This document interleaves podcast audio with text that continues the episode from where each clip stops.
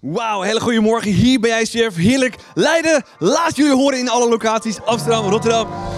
Super excited en amazing dat we met z'n allen kerk kunnen zijn. En kunnen genieten van wat God door ons aan het doen is. Of het nou coronatijd of pandemie is of niet. Ik hoop dat jullie een heerlijke zomer hebben gehad. Vakantie bent geweest. eh, of misschien nog wel op vakantie gaat. Geniet van het heerlijke seizoen en alles wat God voor jou heeft klaar liggen. Hey, afgelopen weken zijn we een aantal topics voorbij gegaan die ons allemaal helpen in onze groei om positiever en sterker in het leven te staan. En ik hoop dat jij stap voor stap positiever bent geworden. En als dat zo is, laat het weten in de chat of laat het gewoon hier weten in de chat. Je kan natuurlijk gewoon hiermee chatten. Fantastisch dat jij er bent. En ook vandaag gaan we het hebben over hoe je positief kunt groeien door te leven in overvloed. En mijn vraag is, na afgelopen zomer, na al die messages, Waar sta jij in jouw positiviteit? Is het ergens een 1, 2, 3 of 4? Of zeg je van nou 6, 7, 8 en misschien zelfs van een 10? Laat het weten in de chat hoe positief jij bent geworden.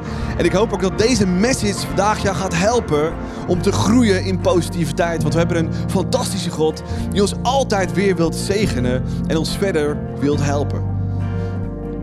Misschien zeg je, ja, maar ik ben helemaal vandaag niet zo positief. En ik sta met mijn rug tegen de muur. En vandaag gaan we ook kijken naar een vrouw die stond met haar rug tegen de muur. Dacht dat ze niets had. Totdat ze dat laatste beetje in Gods handen legde. En God een wonder deed.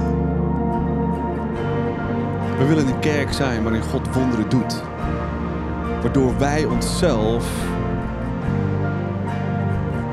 gevoelig moeten opstellen. Datgene wat we hebben in Gods handen leggen. Zodat Hij een wonder kan doen.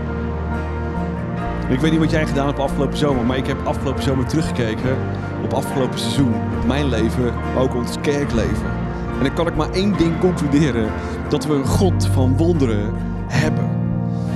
Want het was nog geen jaar geleden dat we nog in het theater in Blauw zaten. Kun je het je voorstellen? En dat we aan het eind van de maand daar weg moesten en alles meegenomen hebben om in het ECC Holiday Inn te gaan zitten. Totdat we een telefoontje kregen dat het een vaccinatiestaat moest worden. Dan sta je ook met je rug tegen de muur aan. En dan kan je zeggen, nou dat doen we niet. We gaan niet ergens anders naartoe. Maar je kan niet anders zeggen als dat doen we wel. Want we gaan deze plek als een vaccinatiestaat maken. Zodat we met z'n allen weer een normaal leven kunnen leiden. En ook toen op dat moment hebben we gezegd. Van Is Blauw naar het EC, God is een God van wonderen, hij voorziet. En ook toen het EC uit moesten, hebben we gezegd, God is een God van wonderen. En hij gaat een wonder doen. En uiteindelijk konden we hier dus zitten. In deze waanzinnige plek. De, het poppodium van heel Leiden. Eigenlijk van Nederland, toch? Ja. en misschien denk je, "Mwah, easy peasy. Niet easy peasy. God is een God van wonderen en God zegent. Maar wat eraan vooraf gaat is altijd vertrouwen op God. Deze kerk is gestart met mensen die all in gingen en God blindelings vertrouwde op alles. Zodat God ging kan zegenen. En laten we kijken naar wat ik zelf gedaan heb. Wat al die mensen vanaf het begin van deze kerk hebben gedaan. Om daarvan te leren. Zodat we niet met een aantal mensen God vertrouwen. Zodat God God kan zegenen. Maar, maar dat we met z'n allen God vertrouwen. Zodat hij kan zegenen. Zullen we samen bidden? Deze dank wel voor deze dag. Dank wel voor uw ongelofelijke vrijgevigheid. Dat we mogen leven in een wereld die vol van geur en kleur is. Niet een bunker zonder geur, zwart-wit. Alles wat u gemaakt heeft van uw hand ademt leven. En tegelijkertijd wonen we in een wereld die niet perfect is. Waarin we soms met onze rug tegen de muur aan staan. En misschien wel gedwongen worden om op u te vertrouwen. En precies dat willen we vandaag leren. Wat zorgt ervoor dat u ons zegent? Open onze hoofd en onze ogen en ons hart om te luisteren. Om te zien, om te groeien, om stappen te nemen. Samen met u. En te genieten van een leven afhankelijk van u. Zodat we rustig, vredig, zonder angst kunnen leven. Omdat u God onze Vader bent. Die ons leidt en ons precies geeft wat we nodig hebben. In Jezus' naam. Amen. Ben je me eens dat als je... Wie heeft hier kinderen in de zaal? Iets kinderen? Maar we zijn allemaal kind geweest. En als je kind bent geweest, dan word je een aantal dingen geleerd, toch? Ja, en als je jong bent, en misschien heb je al van die boekjes thuis voor je eigen kinderen, tegenstellingen. Ken je dat? Tegenstellingen? Ja. Licht en, nat en, droog. Hebben we nog meer van dat soort tegenstellingen? Zwart, wit. Jos? Rood-groen is. er zijn tegenstellingen in het leven. Nou, laten we eerlijk zijn. De meeste van dat soort simpele kinderlijke tegenstellingen die zijn een beetje emotieloos, toch? Maar als je volwassener wordt, krijg je ook tegenstellingen die niet emotieloos zijn, maar vol emotie zitten. Wist je dat? Ja. Laten we een aantal daarvan noemen. Haat en liefde. Angst en ja, rust, vrede. Eenheid en zien we om ons heen, hè? Corona, totaal één aan de andere kant, totaal verdeeldheid aan de andere kant. Vertrouwen en wantrouwen. Laatste. Geven en Laten we het over die laatste hebben. Want als we het over leven in overvloed moeten hebben, moeten we in al die tegenstellingen ergens kiezen voor het een of het ander. Deze kerk is een vrijgevige kerk. Deze kerk is een kerk van vertrouwen die gelooft in God. En alles wat je hier ziet en ervaart, komt diep uit mensen harten en tenen die geven zodat jij kunt genieten. Echte vrijgevigheid maakt zoveel los. En ik hoop dat jouw Jezus, dat als je hem inderdaad, zoals Esther het zegt, aankijkt, God aankijkt in zijn ogen, Jezus aankijkt in zijn ogen toen hij aan het kruis hing voor jou, is dat het summum van vrijgevigheid? Totaal. Dat maakt iets los in mij. Dat is onze God. En als we een leven in overvloed willen ervaren, elke dag weer, zullen we ook zelf moeten groeien in vrijgevigheid. Dan zullen we moeten weerspiegelen wat God zijn hart ook is. Nou, wat is God zijn hart van vrijgevigheid? Laten we kijken naar een clip die zo goed laat zien dat God ons geplaatst heeft in een wereld die waanzinnig is. Laten we kijken naar de clip. Imagine your friend invites you to a party. You arrive and there's lots of people, decorations, food, and drink. There's enough for everyone. When you're hosted by someone that generous, you don't have to worry about your needs. You can just enjoy yourself and focus on the people around you. Yeah, that's what a good host wants for her guests. And this is the picture of the world that we find in the Bible. Creation is an expression of God's generous love. He's the host, and humans are his guests in a world of opportunity and abundance. And we're called to keep the party going, to spread his goodness. This is a beautiful picture. But it's not the way people experience the world. Rather, we find a world of scarcity and struggle, not abundance. And Jesus grew up in that kind of world. Under military occupation, people losing their land or families to debt and poverty. And yet, he would say things like this Look at the birds. They don't store up food for themselves, yet they have enough. Or consider the wildflowers. They're beautiful and abundant, and they don't stress about their existence. And you all should live that way too. But surely Jesus knew that things don't always work out. I mean, sometimes there really isn't enough. And Jesus did experience poverty firsthand, but he viewed the world through the story of the Hebrew scriptures, which claimed that our scarcity problem isn't caused by a lack of resources. Rather, the problem is our mindset that God can't be trusted. Maybe God's holding out on me. Maybe there isn't enough, and maybe I need to take matters into my own hands. And once we're deceived into that mindset of scarcity, we can justify the impulse to take care of me and mine before anyone else. And that leads to envy and anger, violence, and a world where it seems like there's not enough. The party's over, it's turned into a battleground. But God wants humans to experience his generosity, and so he chooses one people, the family of Abraham, and he promises to give them the abundance that he wants for everybody else. God will provide what they need. All they have to do is trust his generosity. And through them, the whole world will see how generous the host really is. But that's not what happens. Abraham's descendants, the Israelites, enter a land of abundance and they promptly forget the host who gave it to them. They act like it's all theirs and like there's not enough. And it leads to war and Israel's self destruction. If I were the host of this party, I think I'd just give up. But God doesn't give up. What he does is surprising. He gives another gift. Another gift? Yeah, but this gift is different. What God gives is himself. All right, and Jesus, the host himself, comes to join in on the spoil party. And notice, Jesus lives with the conviction that there is enough and that our generous host can be trusted.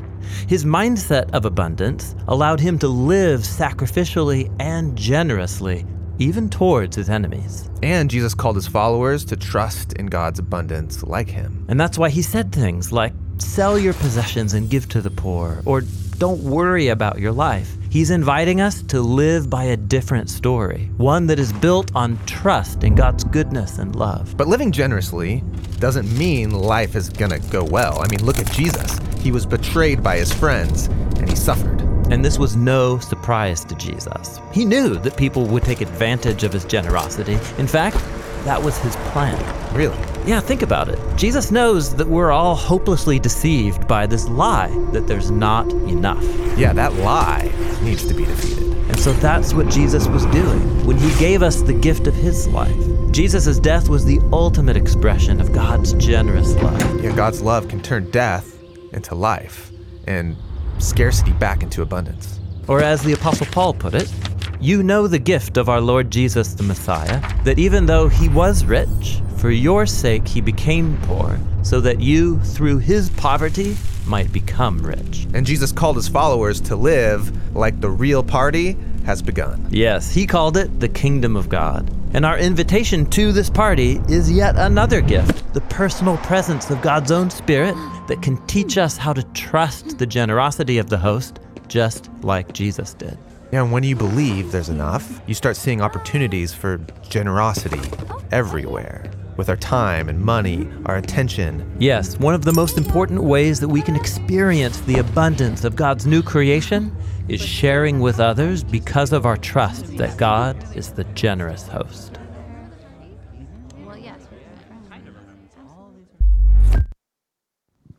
Wauw. Is God ongelooflijk vrijgevig? Ja, als we snappen en begrijpen dat Jezus zijn leven gaf voor jou. Door wie durft zijn leven te geven voor iemand? Wie durft zijn leven te geven voor een goed iemand? Die goed geleefd heeft. Dan zou je misschien wel. Maar zou je je leven doorgeven voor een slecht iemand? Dat is wat Jezus deed. Het maakte hem niet uit. Hij gaf zijn leven voor iedereen. Zo vrijgevig. En Jezus koos dus ervoor om te doen wat God van hem vroeg. Te leven in afhankelijkheid en vertrouwen van zijn vader. En dat zijn vader elke dag voorzag. Of dat Jezus dacht, ah, deze wereld heeft zoveel nice te bieden.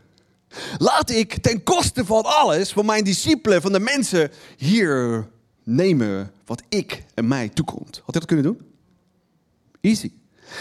Maar hij deed dat niet. En dat is een geest van vrijgevigheid. Vertrouwen op God de Vader. Dat als je zijn wil doet, dat hij ook altijd zegent. Als God je ergens roept, geeft hij ook altijd daar de middelen voor. En dat is waar we het vandaag over hebben. Nou, dit is dus een vrijgevige kerk. Voor deze zomer hadden wij een pastorsmeeting met allemaal volgangers uit Leiden vandaan. Dat ben ik zelf met een andere volganger vijf jaar geleden gestart en is echt een bom. Elke twee maanden tussen de middag lunch. En we begonnen bij ons op kantoor. En ook deze zomer was het bij ons op kantoor. En als er al die volgangers komen, kan ik maar één ding doen met deze kerk. En dat is vrijgevig zijn.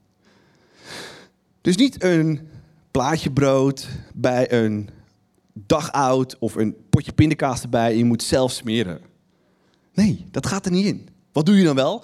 Je gaat de lekkerste broodjes van Leiden bestellen, die al helemaal klaar zijn. Uh, een BLT en een, en een, beetje dit en een beetje zus en een beetje dat. En je bestelt dit erbij en je legt er skittles erbij en je legt Smarties erbij en je legt chocolade erbij en je legt lekkere drankjes erbij.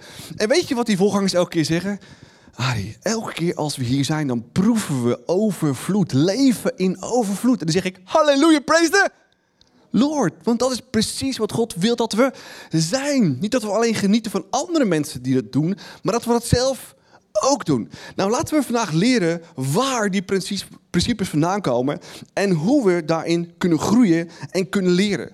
Want uiteindelijk leef je maar op twee manieren. Of je leeft vanuit schaarste, ik heb niet genoeg en ik moet alles voor mezelf houden. Of je weet, God heeft het leven gemaakt, heeft deze wereld gemaakt. En alles wat hij heeft, daar is nog veel meer van. Dus ik kan geven in overvloed. En God zal me weer zegenen in overvloed. Uiteindelijk zit daar niet zo heel veel tussen. En zal je linksom of rechtsom moeten kiezen. En toen wij deze kerk startten tien jaar geleden, moesten wij ook kiezen welke cultuur willen we hebben. En een van onze waarden was, wij zijn vrijgevig. En dat zijn we nog steeds. En sterker nog, deze kerk is gegroeid, gegroeid, gegroeid in vrijgevigheid. En er zijn soms mensen die hier komen en zeggen, het voelt hier exclusief. Dat is het ook als je je beste podium van Leiden hebt, toch? Maar komt niet voor niets. En er is zoveel vertrouwen voor nodig in onze fantastische God. En laten we daar stap voor stap naar kijken. En ook als de locaties meekijken. Jullie bestaan alleen al vanuit de vergevigheid van hier het Leiden. Dus laten we mensen van applaus geven in Leiden. Van in Rotterdam en Amsterdam. We hebben zoveel in jullie geïnvesteerd om het mogelijk te maken ook kerk te ervaren op deze manier in Rotterdam en Amsterdam. Oké, laten we kijken naar de eerste gedachte. Een mindset van schaarste is er is niet genoeg. Als je een mindset van schaarste hebt, dan heb je niet genoeg. Er staat in Haggai het volgende. U eet en drinkt wel, maar u heeft nooit genoeg. Iemand die ook altijd tekort heeft? Ja. Oké. U hebt wel kleren, maar onvoldoende om u warm te houden. Uw loon is een mum voor tijd verdwenen. Het lijkt wel of er gaten in uw zakken zitten. Klinkt bekend? Of niet? Iemand wel eens in zo'n seizoen gezeten dat je eigenlijk altijd tekort hebt? Ja, en wat er eigenlijk gebeurd is, is het volgende. Ik heb een uh, coole grafiek uh, plaatje meegenomen. Is dat God voorziet? Heb je het leven van jezelf gekregen? Nee, van je vader en moeder. Je vader en moeder heeft het uiteindelijk van God gekregen. Alles wat we hebben, geld, tijd, energie, leven, hebben we van God gehad. God voorziet. En wat wil hij dat we doen? Dat we consumeren. Consumeren is belangrijk. En wat er als volgt gebeurd is, dat we altijd te veel consumeren, toch? Ja. En dan gebeurt het dat we tekort komen. En als we tekort komen, dan worden we angstig. Oh jee, ik kom tekort. Ik moet alles bij me houden. En we gaan nog meer consumeren. Dat is onze natuur. Zo zitten we in elkaar. Misschien zeggen, ah, het is een beetje overdreven dit. Laten we terugkijken in het coronaseizoen. Kennen we dit plaatje nog van de wc-pier? We consumeren, we consumeren, we consumeren en we consumeren. En er gebeurt iets en we worden angstig. En wat doen we? Al die schappen leegkopen. Ik durf te zeggen dat over een aantal generaties, bijvoorbeeld mijn kinderen, niemand meer weet dat corona om een virus ging, voornamelijk in je longen, maar dat, we, dat, dat het iets met diarree te maken had of zo. Die mijn kinderen moeten echt denken: hey pap, dat hele corona-verhaal. Ja, al die wc-piers. Hadden mensen nou echt massaal over de hele wereld diarree dat we zoveel wc-pier moesten kopen? Nee, het ging om onze angst dat we tekort hadden. Weet je wat mijn angst in die tijd was? Ik doe mijn bestelling bij Jumbo online. En alle tijdslotten waren bezet tot drie weken vooruit. Dat was mijn grootste angst. Dus wat deed ik?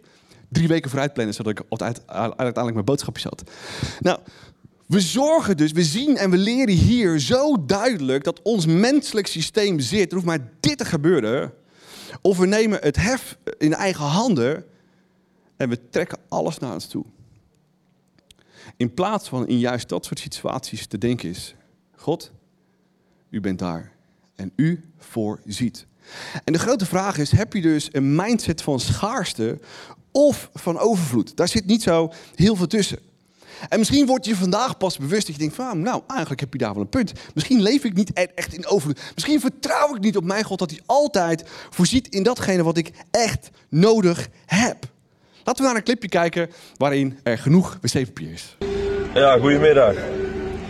Deze vooral die hamsters die bang zijn dat ze de kont niet meer kunnen afwegen het weekend. Vanwege het coronavirus.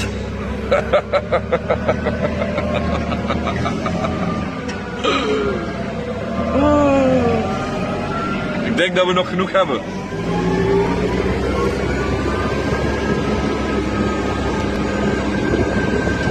Oh,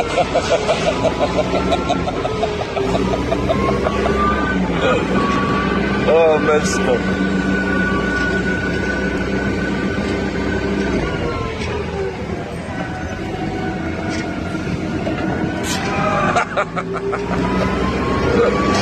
Doe maar veel wc-papier kopen mensen. Dan maak ik lekker wat overuren terwijl jullie allemaal thuis bent.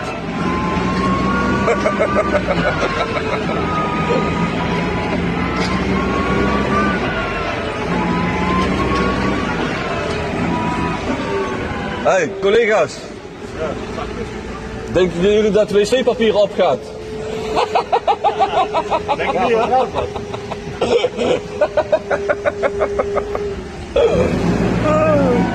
We hebben genoeg. Wauw, amazing. Nou, ik kan me zo voorstellen.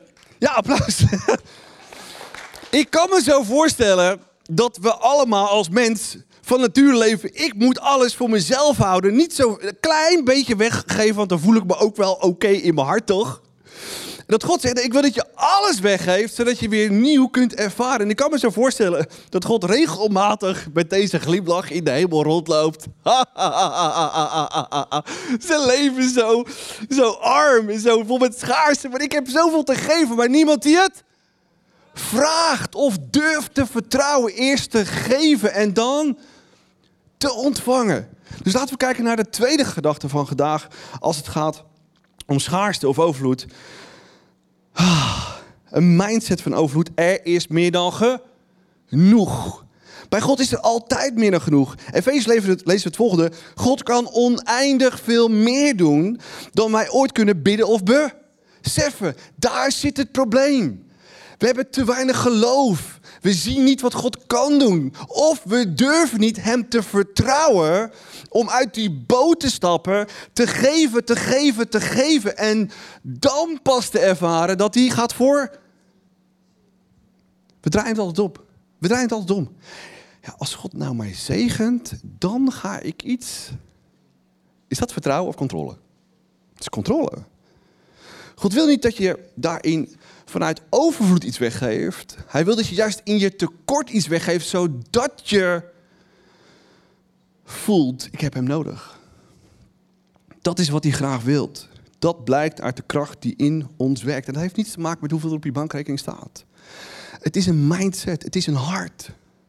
Om simpelweg te geven, en God linksom of rechtsom gaat voorzien. Als ik iets heb moeten leren in mijn leven, met name de afgelopen tien jaar deze kerk bouwen, is precies dit punt. Om alles wat ik had, met mijn hele gezin, alles weg te geven. En met alles wat ik heb op God te vertrouwen. Zodat hij zou voorzien in een salaris. In een ander huis. In een nieuw huis. Locaties zoals dit. Mensen om mee te bouwen in deze kerk. Dus er valt zoveel over wakker te liggen als je een kerk bouwt. Maar in je onderneming misschien precies hetzelfde. Er valt zoveel over wakker te liggen totdat je alles loslaat. Leeft in echte overvloed. En dan pas ga je ervaren dat God voorziet. Want dat is precies wat God wil doen. Dat lezen we in Johannes 10, vers 10. De dief komt om te stelen, te doden en te vernietigen. Maar Jezus is gekomen om wat te geven?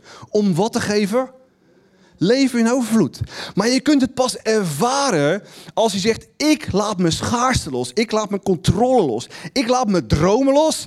En ik droom alleen nog maar van uw mensen, uw koninkrijk. En ik doe precies wat u van me vraagt, net zoals Jezus deed. En dan ervaar je pas dat God voor ziet. Nou, hoe doen we dat? Stap voor stap laten we er doorheen lopen. Hoe kunnen we onszelf beschermen tegen de mindset van schaarste? Op twee koningen lezen we het volgende. Op een dag kwam een vrouw van een van de jonge, naar een van de jonge profeten bij Elisa om te vertellen dat haar man was overleden. In die tijd dramatisch. Net zoals in deze tijd, je hebt samen een huis gekocht, een van de twee overleden en je kan je hypotheek niet meer betalen. Is dat heftig? Totaal heftig. Hij was een man die met God leefde. Een van de weinige mannen in het land. Want de meeste mannen en vrouwen leefden niet meer als Israëliet naar wat God van hen vroeg. En zij, en nu eist een schuldeiser zijn geld op. Als ik niet betaal, zal hij mijn twee zonen als slaven meenemen. Wat kan ik daaraan doen? vroeg Elisa. Hoeveel hebt u in huis? Eten. Helemaal niets. Afgezien van een klein kruikje olijfolie. En deze vrouw dacht: Ja, wat moet je nou met een klein kruikje olie? Wat moet je daar nou mee? Wat moet je daar nou mee? Is dat vaak ook niet ons probleem?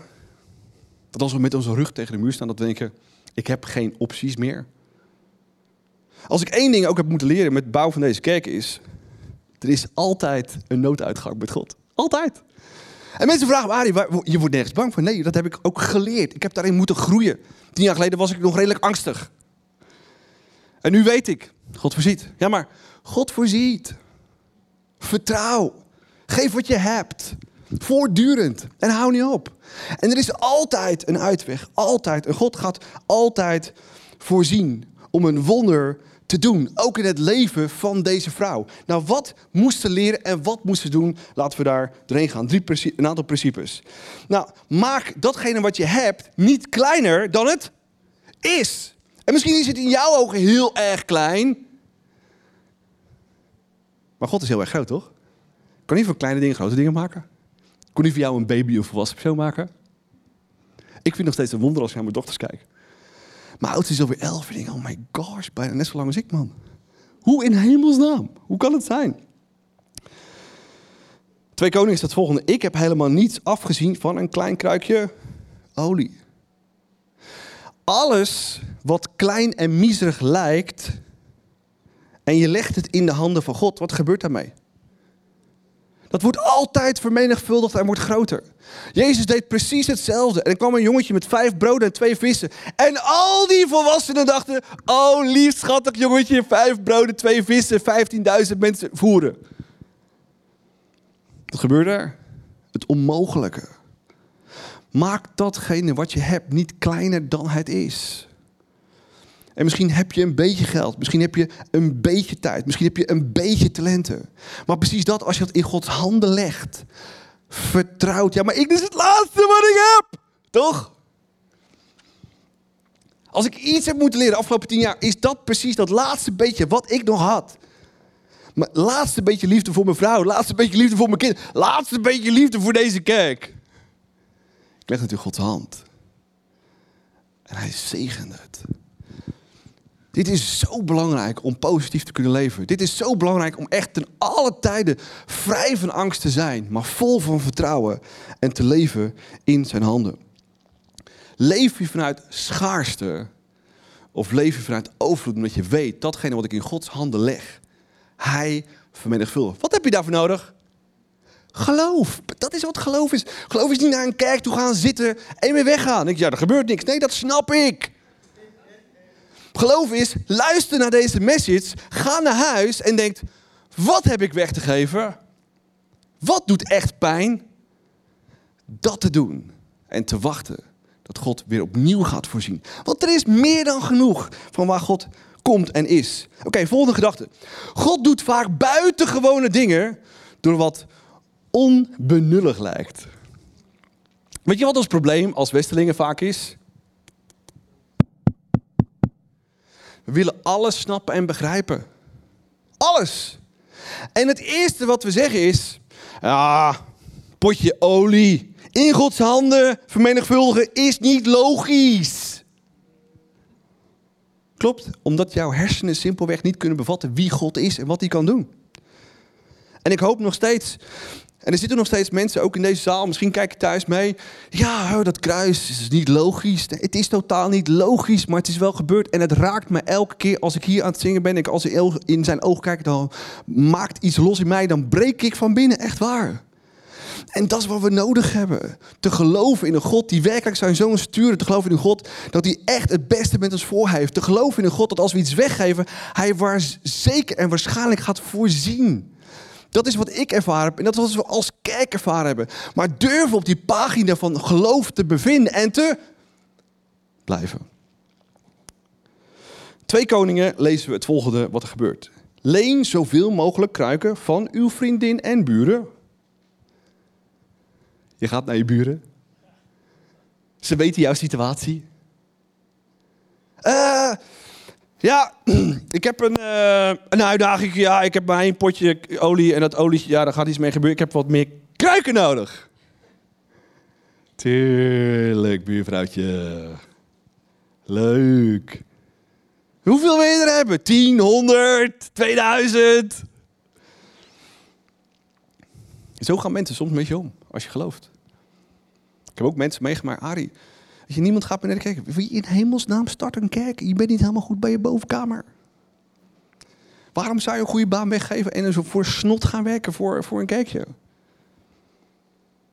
Dat als God vraagt, vertrouw je. Waar God leidt, daar voorziet hij altijd. Ga dan met uw zonen het huis in, doe de deur achter u dicht. Giet daarna de olijfolie uit het kruikje in de andere kruiken. En zet die opzij als ze vol zijn. En zij deed wat Elise had gezegd. Haar zonen brachten haar kruiken en ze vulde één na de ander met olie. Dit is het wonder wat voor ons neus gebeurt. Dit is het wonder wat hier zegt. En wat had deze vrouw nodig? Het geloof van het universum? Nee, ze had het geloof nodig van een mosterdzaadje. God, ik sta tegen de muur. Mijn zonen worden bijna van me afgenomen. Ik weet niet wat ik moet doen. Ik heb niks. Nee, je hebt wel wat. Er is altijd een uitgang. En je hebt altijd iets in handen om in Gods handen te leggen. En als ik iets gezien heb in deze kerk, zijn mensen die niets meer hadden, maar datgene wat ze wel hadden, in Gods handen ligden. En totaal gezegend werden. Durf je op die pagina van geloof te zijn en te blijven, te geven en te vertrouwen dat God echt gaat voorzien. En dat hij veel meer heeft in petto dan wat we kunnen beseffen of denken. En in die tijd was het de tijd waarin de meeste mannen en vrouwen niet meer geloofden in die God. Niet meer geloofden op Gods voorziening. Niet meer datgene bij God brachten in zijn tempel wat God vroeg, vroeg om te doen. Dit was het gezin die dat wel deed. En omdat ze dat wel deden, zegende God. Laten wij een kerk zijn, laten we een gezin zijn. Laten we mannen en vrouwen zijn die volledig op God vertrouwen. Doen wat hij van ons vraagt, zodat hij ons kan zegenen. Zijn de kerken in Nederland en Europa vol of leeg? Leeg. Waarom? Omdat we niet zoveel geloof meer hebben dat we God echt nodig hebben. Hetzelfde gebeurde in dit verhaal. In de tijd van Elisa. Iedereen dacht, we kunnen wel zonder God. We hoeven niet naar die tempel om God te aanbidden, onze tienden te geven, te vertrouwen op Hem. En het ging steeds slechter en slechter en slechter en slechter met het volk van God. En dat gebeurt als God niet meer het centrum van je leven is. Dat het niet meer de heipalen zijn waar je elke dag op staat. En vaak staan we op onze eigen heipalen, op onze eigen kunnen, op ons eigen vermogen. Met ons, wat we zelf hebben bereikt. En God zegt, geef datgene wat je hebt en vertrouw volledig op mij. Moest deze vrouw met alles wat ze had, het laatste wat, had, wat ze had in Gods handen leggen? That's it. Als we iets moeten leren vandaag, is het precies dit zoveel te kunnen weggeven. Dat we zeggen, nu pas vertrouw ik op God. Nu pas leef ik in volledige afhankelijkheid. En als je mij vraagt, vind je scary? Ja, tot op de dag van vandaag. Maar, alles went. Ah, alles went! Er is niks lekkerders te leven dan in de heerlijke strandstoel van God. Dat Hij mij verzorgt. Weet je waarin het geestelijk het allerslechtst gaat? Iedere keer weer. Of het nou 20, 10, 5 dagen geleden is. Als ik nadenk en naar mijn vrienden kijk. En zie wat zij hebben. Gaat het geestelijk zo slecht met mij. Oh my god. Had Jezus het ook kunnen doen? Had hij naar koningen kunnen kijken? Naar heersers kunnen kijken? Naar rijke mensen kunnen kijken? En diep, diep teleurgesteld te zijn in wat hij niet had? Er is weinig geschild over deed precies hetzelfde, tien jaar geleden. Ik gaf leiding aan een bedrijf. Had door kunnen gaan van functie naar functie, naar geld, naar geld, naar geld, naar geld, naar geld. En uiteindelijk gaat het om geld en wat ik wil hebben. En gelukkig liet God zien, Ari, wil je de rest van je leven een product of een dienst verkopen wat prima is. Maar voor wie of wat doe je het? Of wil je samen met mij een kerk starten? En of je nou in het bedrijfsleven zit of vol in ministry, er is geen verschil. Werk je voor zijn koninkrijk en zijn dromen of die van jezelf? En als je alleen maar voor je eigen dromen werkt en je uiteindelijk hebt wat je hebt, dan heb je wat je hebt. En als er dan gisteren vier mensen het water ingaan, denk je, ja, daar doe ik het voor. Verander de levens. En ik ken hun achtergrond, ik ken hun struggles, ik ken hun pijn. Dat ze met hun rug tegen de muur aanstonden. En nu glimlachen ze van oor tot oor wat ze hun Jezus hebben leren kennen. Omdat er een paar mensen tien jaar geleden, en gelukkig in de tijd daarna wat mensen wat meer bijgekomen zijn, zo dom zijn om God te vertrouwen, zijn kerk te bouwen, mensenlevens veranderd zien en gezegend worden. Van al die mensen vanaf tien jaar geleden laten we een ongelooflijk applaus geven. Ja. Maar weet je, dat zijn de mensen die het grootst gezegend zijn. Die nu kunnen zeggen, we hebben alles in de waagschaal gelegd. En God heeft verzorgd. We hebben geleerd niet angstig te zijn. Dat God een God van overvloed is. Dat is wat we moeten snappen en begrijpen. En dat is wat we moeten leren. Dat is echte vrijheid. Dat is echte overvloed. Ik heb een quote meegenomen die ik afgelopen zomer tegenkwam. En dat zegt alles. Het is een heel dun lijntje. Maar uiteindelijk hou je van God en zijn mensen en zijn koninkrijk. En je gebruikt het geld om goed te doen, toch? Of je houdt van geld en je gebruikt mensen en God voor je eigen doelen. Daar zit niet zoveel tussen. En ik hoop met heel mijn hart dat je van mensen en God durft te houden met alles wat je hebt. En geld gebruikt om goed te doen. Je talenten gebruikt om goed te doen. Je tijd gebruikt om goed te doen. En zijn koninkrijk te bouwen en te ervaren dat dan God echt gaat voorzien. Als we kijken naar de volgende gedachte. Gods overvloed volgt vaak op geloof. Nou, wat deze vrouw moest doen, ze moest dus eerst al die kruikjes bij broers, vaders, zussen. En ja, die verklaarden haar natuurlijk allemaal voor gek. En ik vroeg me zo af, als ik nou in die situatie zat, zou ik één ding vragen aan mezelf. Oké, Elisa vraagt hier om zoveel mogelijk kruikjes. Wat is dan zoveel mogelijk? Toch? Wat is zoveel mogelijk? Hoeveel zou jij er kiezen? Nou, vijf, tien, twintig, dertig, duizend, tweeduizend? Hoe groot is je geloof? Dat als je iets in Gods handen legt, hoe weinig het ook is, dat het blijft stromen. En dat het blijft stromen. En dat het blijft stromen. En dat het blijft stromen. En dat het blijft stromen. En dat het blijft stromen. En toen dat pas de laatste kruik gevuld was, toen stopte het. Ik zeg al tien jaar tegen mezelf: ik wil niet dat Gods zegen stopt. Ik wil blijven op de pagina van geloof. En elk jaar, elke week wil ik mezelf doelen stellen. Afhankelijk te zijn van mijn God. Afhankelijk te blijven van mijn God. Hem te vertrouwen, zodat Hij kan voorzien. Dat betekent dat ik elk jaar ook financieel meer wil geven aan deze kerk. Want in die tijd was het de normaalste zaak van je bracht je tiende. Waar bracht je je tiende? Bij de snackbar? Bij de woonboulevard? Waar bracht je je tiende? In het pakhuis van God, zodat de levieten dat hele systeem van kerk konden onderhouden, zodat mensen God voortdurend konden blijven aanbidden. En als die stroom stopte, en dat stopte, de tempel zag er niet uit, de levieten gingen de verkeerde kant op en het hele land stortte in. Staat jouw leven op instorten? Mijn leven heeft vaak op instorten gestaan en ik wist precies waarom. Ik volgde niet datgene wat God van mij vroeg te doen. Laten we het principe volgen van God. En wat zegt hij hier in Malachi? Komt hij? Waanzinnig vers. uh, komt hij? Hebben we hem?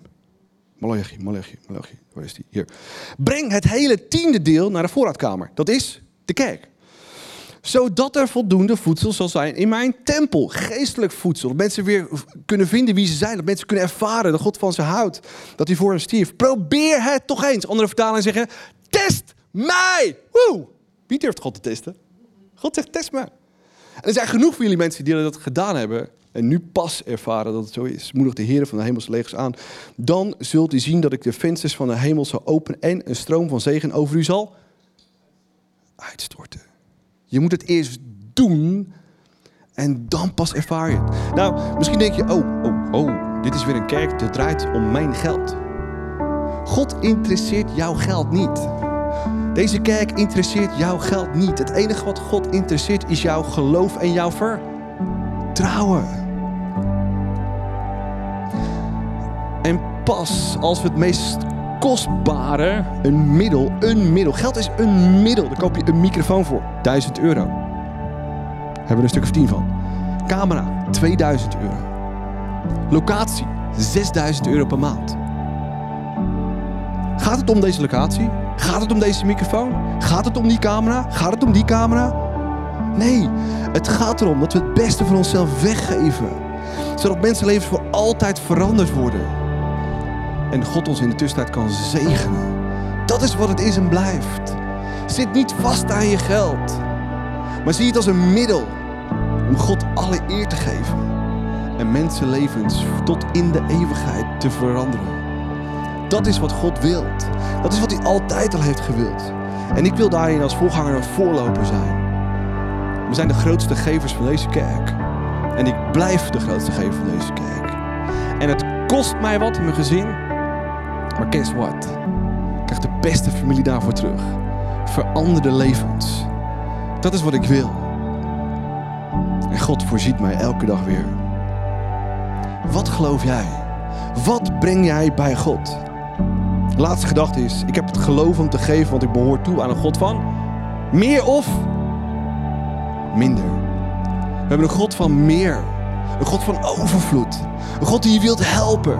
En misschien zit je nog steeds in elkaar dat je vecht en je werkt voor je succes en voor je huis en voor je leven, voor je carrière, et cetera, et cetera, et cetera.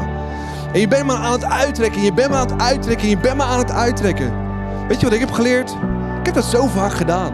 Toen ik ging afstuderen, want ik wilde dit en ik wilde dat en ik wilde zo. Waar is het eind? Er is geen eind. En heeft eens een keer gevraagd aan de zaakman: Wanneer is het genoeg? Als ik iedere keer een stukje meer heb, dan pas is het genoeg. En ik werd pas vervuld. Ik werd pas echt positief. Niet omdat ik aan het strekken was, aan het regelen was, aan het organiseren was en opbranden. Ik kwam echt tot vervulling. Toen ik op mijn knieën ging. Tegen God zei Jezus, ik heb op mijn veertiende mijn leven aan u gegeven. Ik heb niet veel. Ik heb een leven, tijd, talenten, ik heb energie, ik heb een gezin. En ik leg het in uw hand. Succes ermee. Dat geeft zoveel rust. Misschien denk je, wie ben ik? Grootste leugen die er is. Misschien kijk je naar je vriend, oh dat wil ik ook. De grootste leugen die er is. Het meest vervullende is naar God te kijken, naar Jezus te kijken aan het kruis. Dat hij voor jou stierf, dat hij voor jou houdt. Dat hij jou, als je je leven aan hem geeft, hij jou de Heilige Geest geeft. Voor wat? Voor Jan Doedel? Nee, om je te leiden, om je te helpen, om je te troosten. Maar ook om de wereld te veranderen en op zijn kop te zetten. Maar het begint hier op je knieën. Altijd. Het moeilijkste voor een mens is wat? Op je knieën gaan. Omhoog te kijken. Jezus, dank u wel voor het kruis. Dank u wel voor alles wat u deed. Uit dankbaarheid geef ik iets terug. Ik wil u eren voor alles wat ik heb. En weet je wat ik het meest coole vind? God vraagt niet of je alles geeft. Er zijn kids in deze kerk die geven 10% van hun zakgeld. Dan zullen we, ja, maar dat is maar 50% per maand. Wat maakt het voor verschil bij God? Alles. Het is een mindset. Het is een hartsgesteldheid. Ik geef die 50% aan mijn Jezus. En hij gaat dat vermenigvuldigen. Hij gaat er levens voor veranderen. Een boer kijkt niet in zijn hand. Oh, het is maar zaad. Hij zaait het. Hij weet er komt iets uit voortbloeien. Durven wij te zaaien. Onze tijd, ons geld, onze talenten. Tot eer van Jezus. Wetend dat mensenlevens voor altijd veranderen. En als ik er op zo'n strand sta, zoals gisteravond, en gaan vier mensen onder water hun oude leven achter zich laten en een hoop crap vertellen. En op opstaan uit het graf, symbolisch. En verder gaan met hun Jezus. Dan gaat voor mij de hemel open. En als er iets wat deze wereld en dit land en deze stad nodig heeft, is het die vrijgevigheid en leven in overvloed met onze Jezus. Bij God is er altijd meer. Zullen we samen bidden? Heer, dank wel voor uw bent, dank wel voor uw liefde, voor uw trouw, voor uw alles dat u zo vrijgevig was. U deed precies wat uw vader vroeg. U vergeleek zichzelf niet met uw vrienden die alles hadden. U vergeleek zichzelf met uw vader. Ik ben vrijgevig en waar mijn vader is, daar is overvloed. En precies willen wij dat doen als gezin en als kerk, als persoon. Om ons leven in uw handen te leggen. Te doen wat u van ons vraagt. Uw kerk te bouwen. Mensen in relatie met u te brengen. Zodat we weer een glimlach op hun gezicht krijgen. Mensen zich weer waardevol voelen. Want ze ervaren dat u voor iedereen stierf. Wil u eren met het belangrijkste wat we soms hebben in ons leven geld. Wat maar geld is. Niet ons koninkrijk bouwen, maar uw koninkrijk bouwen. Kerken weer vol zien. Met mensenlevens veranderd voor altijd en eeuwig. Is echte positiviteit. Dat is leven in overvloed. Verander ons hoofd en ons hart en leer ons en daag ons nog meer uit. Om datgene wat we hebben in uw handen te leggen. Zodat u het kan vermenigvuldigen en wij leren zonder angst te leven en volledig op u te vertrouwen. Amen. Laten we gaan staan en gaan worshipen. En ik wil je vragen, waar zit jij nogal vast? Wat houdt jou tegen om je talent in te zetten voor zijn kerk? Wat houdt je tegen om financieel bij te dragen? Wat houdt je tegen om iets kleins te gaan doen voor jou, Jezus? Het in zijn handen te leggen. En te geloven dat dit gaat vermenigvuldigen. En misschien dien je deze kerk nog niet. Misschien geef je financieel nog niet. Nogmaals, het gaat ons niet om het geld. Het interesseert me geen moer. Maar jouw geloof, daar zit de crux om dingen te ervaren met onze God. En het volgende nummer is King of Kings. En misschien durf je te zeggen, hey Jezus, ja, u bent de koning van mijn leven. En om te laten zien wil ik iets teruggeven. Misschien wat pijn doet, waardoor ik de angst verlies. Ik denk dat ik tekort heb. Test jouw God. En ervaar wat hij voor jou in petto heeft. Zullen we worshipen?